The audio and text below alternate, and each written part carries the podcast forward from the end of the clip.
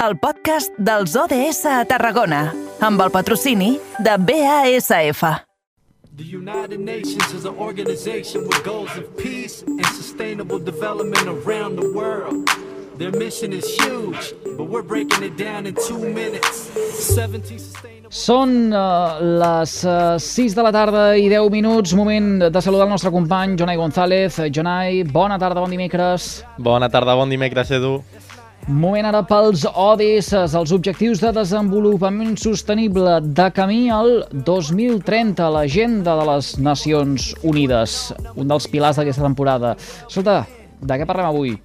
Doncs avui parlem d'un estudi del qual precisament es va parlar ahir a, a l'informatiu de Carrer Major. Es tracta d'un estudi de la Universitat Rovira i Virgili i de l'Institut Sanitari Pere Virgili que conclou que l'exposició crònica a l'aire contaminat amb partícules en suspensió incrementa el risc de malaltir o de morir per la Covid-19. L'estudi l'ha dirigit la nostra convidada d'avui, la Montse Marquès, que és investigadora del Departament de Ciències Mèdiques de la URB. Molt bona tarda. Hola, bona tarda. Bé, com comença aquest estudi? Com, com encareu eh, aquesta qüestió de començar a treballar en aquest estudi? Hi ha alguna hipòtesi inicial o trobeu algun denominador comú en alguns casos? Doncs, bueno, en, en moments de la pandèmia tots escombràvem una miqueta no, cap al nostre terreny i nosaltres vam trobar no, aquest foradet pensant que um, estem exposats a còctels de contaminants, tot això suposa un estrès pel nostre sistema respiratori i pensàvem doncs, que si una persona que estava exposat a, a tots aquests contaminats en concentracions molt elevades es contagiava, doncs que possiblement patiria el Covid de forma més greu o fins i tot tindria més probabilitats de morir. Uh -huh. Què és el que passa exactament? Eh, tenim més facilitat a contagiar-nos? Eh, aquesta contaminació fa que un, un xoc entre el virus i, i la pol·lució que nosaltres eh, inhalem? Què, què és el que ocorre? El, el nostre estudi no se centra en el contagi, que sabem que, que hi, ha, hi ha molta gent que ho està fent, sinó en com de, com de sever és, és aquesta infecció i, i en com la, tots els números que tens de, de morir, no? Partint en aquesta base de que una persona que viu en un lloc que està molt més contaminat, el seu sistema respiratori estarà més estressat. Si et contagies, com evolucionaràs en la malaltia? Mm. Senyora, senyora Marquès, eh, el, el, el que ja sabíem o el que eh, intuïem eh, és que en zones on hi ha més eh, pol·lució hi ha més risc de patir segons quines eh, malalties. Això s'accentua en el cas de la Covid-19? Sí, és a dir, en aquestes zones més contaminades ja sabíem que hi ha... Bueno, al final, el nostre estudi, és a dir, va de contaminació, però ens centrem amb les partícules, mm, amb les PM, la, que és de l'anglès particulate matter de 10 micròmetres, que són unes partícules molt, molt petites, i, i sí que sabem que aquesta exposició continuada, aquest PM10, doncs pot, ja, ja hi ha evidències de que la població doncs, té més tendència a patir asmes, malalties cardiorespiratòries cròniques en general, d'acord? El que la nostra sorpresa ha sigut a l'estudi és que tractant tot el, el conjunt de dades clíniques, que hem tingut, per sort, accés a una base de dades um, molt valuosa de 2.112 persones que van estar ingressades durant la, la primera onada del, del mes de març al mes de juny van estar ingressades a l'hospital, nosaltres hem tingut eh, accés a aquestes dades. I la nostra sorpresa ha sigut que per molt que hi haguessin persones que ja eren asmàtiques, que havien tingut un ictus, que havien tingut el, un infart de miocardi, eh, l'exposició aquesta crònica que tenen a, a les PM10 eh, és una variable molt més important que si aquesta persona ja era asmàtica. Aquí és no, la, la gran rellevància dels, dels nostres resultats. Uh -huh. D'on provenen aquestes partícules, aquestes PM10? Les PM10 venen, són unes partícules, com us deia, que són molt petites, tenen un diàmetre entre 2,5 i 10 micròmetres, perquè es fa una idea, un cabell té un diàmetre d'entre uns 50 i 70 micròmetres, d'acord? O sigui que encara són més petites que, que un cabell. I majoritàriament venen de, de la combustió de combustibles fòssils. Uh. I, però bueno, també qualsevol tipus de crema, encara que sigui agrícola, també se'n generen, pols en suspensió.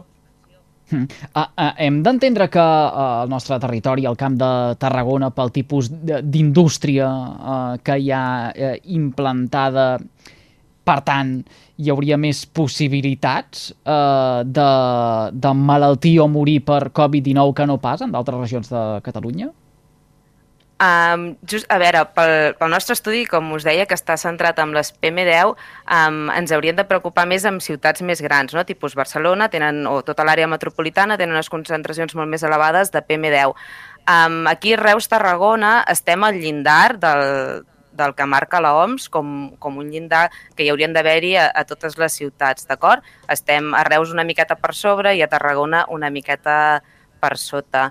Um, però aquí al Camp de Tarragona, amb tota la indústria que tenim, la veritat és que potser les PM10 no són els compostos que més ens haurien de preocupar, sinó compostos més volàtils, tipus el benzè, l'3-butadià, que són els que emeten des de la petroquímica.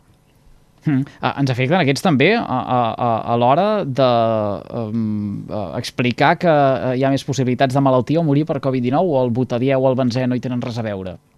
Nosaltres no, no ho hem estudiat, això no, no els hem inclòs perquè aquest estudi es va poder fer amb accés a aquestes dades clíniques i amb totes les dades de contaminació que, que hi ha al portal de dades obertes i llavors vam aplicar models matemàtics i, i vam poder no, arribar a confirmar el que era la nostra hipòtesi.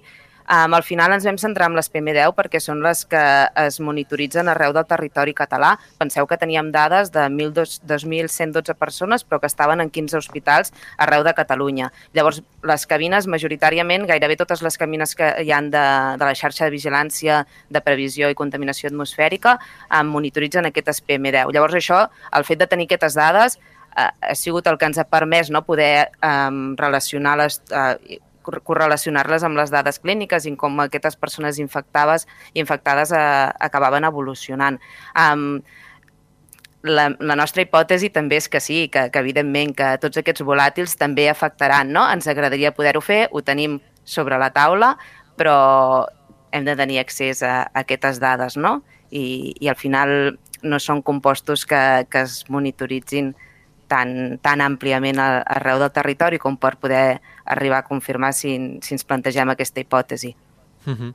El vostre estudi se centra sobretot en, en la Covid, però no sé si heu trobat alguna relació també de que altres malalties també podrien ser agreujades a causa d'aquestes partícules PM10.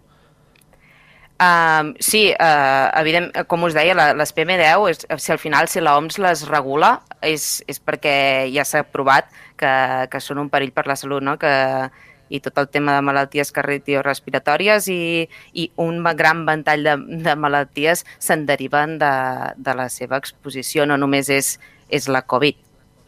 Uh -huh. Aquest estudi... No... Digues, digues. No, no digues, digues, perdona. No, anava a preguntar una mica si no sé si aquest estudi serviria una mica a, a, a hores d'ara de, de revolució, de saber com tractar la malaltia en qüestió de, de d'on sigui el pacient, si el pacient ha estat exposat a aquestes partícules o no. Eh, no sé si hi ha alguna forma ara de, de controlar, per exemple, un pacient, un, un malalt de Covid-19 que es pugui tractar d'una manera o una altra sabent que si ha patit aquesta o si s'ha exposat a aquestes partícules eh, pot tenir unes, unes agreuges a, a causa d'això? Sí, de, de fet és, és l'aplicabilitat no, que nosaltres li veiem i de fet amb, amb la Covid, no, que tots que han tingut personal sanitari més o menys a prop, um, hem sentit explicar de, de primera mà, o si no per entrevistes i per tothom, que, que al final la, la persona contagiada um, podia empitjorar de manera molt ràpida, no? I moltes vegades de manera inexplicable. Deia, ostres, no? Una persona sense tenir cap tipus de factor de risc, no era ni diabètic, no era ni hipertens, o ha acabat empitjorant tant no, que ha acabat morint. Doncs aquí nosaltres posem sobre la taula que ep, la primera variable més important per veure com evolucionarà pel que fa a severitat i mortalitat aquest, aquest malalt és l'edat. Això no, no ho discutim però la segona és l'exposició a les PM10, no? Si aquesta persona porta tota la vida vivint en una ciutat que està sempre per sobre d'aquest llindar, amb té més números de morir que no passi una persona que viu al mig dels Pirineus, per dir alguna cosa, no? Que la qualitat mm. de l'aire és molt més bona i, i també de les PM10. Mm. No sé si han arribat a plantejar uh, uh, directament en l'administració uh, els resultats d'aquest estudi a l'hora precisament de uh, poder-se acollir en un tipus de tractament o un altre en funció del pacient, uh, ara que ens trobem immersos en aquesta sisena onada de la Covid-19.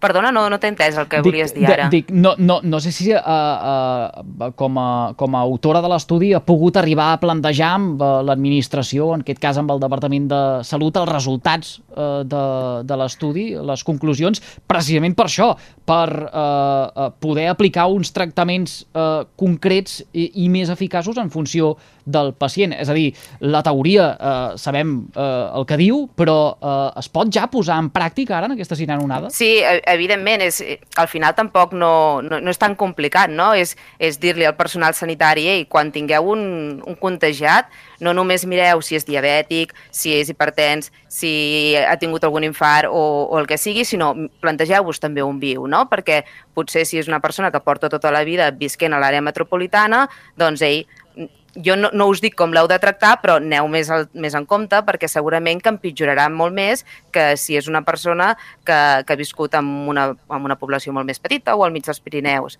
És, és fer una miqueta, no?, posar al centre tot el que és la salut ambiental, no?, que moltes vegades ha, ha passat desapercebuda i potser és aquesta peça del trencaclosques que ens falta per acabar d'entendre algunes coses, en aquest cas de, de la Covid, però que també es podria fer extensiu a altres virus respiratoris, com és, per exemple, la grip, no? que ja fa moltíssims anys que, que la tenim per aquí i n'estic ben segura que, que resultats similars eh, ens, ens sortirien, d'acord?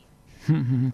hem, hem de percebre o hem d'entendre que hi haurà un canvi de tendència en la uh, mobilitat, que l'estem experimentant ja a dia d'avui amb uh, la implantació del vehicle elèctric. Per tant, a la vegada hem de pensar que aquestes partícules PM10 uh, aniran disminuint en el nostre ambient i per tant el eh, risc eh, d'emmalaltir o de que es pateixi eh, més per una malaltia de causa respiratori també anirà a la baixa precisament per aquesta contaminació atmosfèrica. Sí, evidentment. Eh, al final no s'estan complint els llindars de, de l'Organització Mundial de la Salut. Estem a l'àrea metropolitana per sobre i, i altres ciutats més petites com Reus, Tarragona ho estem una miqueta per sobre o, o just no el superem però, però hi va de poc. Llavors, evidentment, totes aquestes polítiques que es fan i tot no, que s'afavoreix, que quan et canvies un vehicle, no, que sigui un vehicle elèctric i, i clar, evidentment, al final és, és per guanyar salut de la població, no? I, i perquè tots entreguem aquest benefici. Mm -hmm. Uh, per uh, una cosa que ha apuntat abans, senyora Marquès, uh, uh, entenc que estan en vies de poder treballar ja amb uh, dades del nostre uh, territori i pel que fa a d'altres components uh, volàtils que hi ha en l'aire, uh, per quan arribaria aquest nou estudi que... Uh, Ui, està una mica verd aquest estudi encara. Dic, és un faria que ens miressin que... nosaltres una mica més al Malik, uh, que és una cosa que també ens agrada. Bueno, de fet, fa un any en vam publicar una, ja de, de Covid, que vam, vam comparar les dades que teníem del Camp de Tarragona i de les Terres de l'Ebre i sí que vam veure una tendència de que al Camp de Tarragona hi havia més contagis i que aquest virus era més letal. És un, un estudi que té un enfoc totalment diferent que aquest, perquè en, en aquell no teníem accés a dades clíniques i ara el que ens agradaria és fer un més similar a aquest, accés a dades clíniques i aquí al Camp de Tarragona. És molt fàcil de dir-ho, però és més complicat d'executar-ho. De, D'aquí depèn això, de, de que puguin disposar d'aquestes dades. Forçarem nosaltres també la maquinària des d'aquí, des, del, des del programa. Home, ara no voldria posar tampoc a ningú aquí, a, aquí al mig, però, però bueno, depèn de que tinguem accés a, a les dades que, que ja hi ha que estan disponibles i també nosaltres de que trobem una miqueta de temps per poder-hi treballar i dissenyar bé l'estudi i al final explicar l'estudi aquí en un moment és molt ràpid, però darrere hi ha moltíssima feina i, i al final hores de personal, necessitem finançament, la recerca és, és bastant complexa. doncs uh, animem a seguir aquesta uh, recerca, ho hem uh, dit sempre des dels micròfons de carrer Major i sobretot en aquest context de crisi sanitària que la investigació, la recerca, el desenvolupament és uh, clau per avançar i ha estat demostradíssim en aquest context de crisi sanitària que hem travessat que uh, s'ha d'insistir molt més del que s'insisteix eh, a dia d'avui en eh, invertir precisament en tot aquest talent que tenim a casa nostra i bones investigacions com la que eh, avui ens ha portat a parlar. Montse Marquès, investigadora del Departament de Ciències Mèdiques de la Universitat Rovira i Virgili, gràcies per compartir aquesta estoneta amb nosaltres. Gràcies a vosaltres, un plaer. Que vagi molt bé, bona tarda.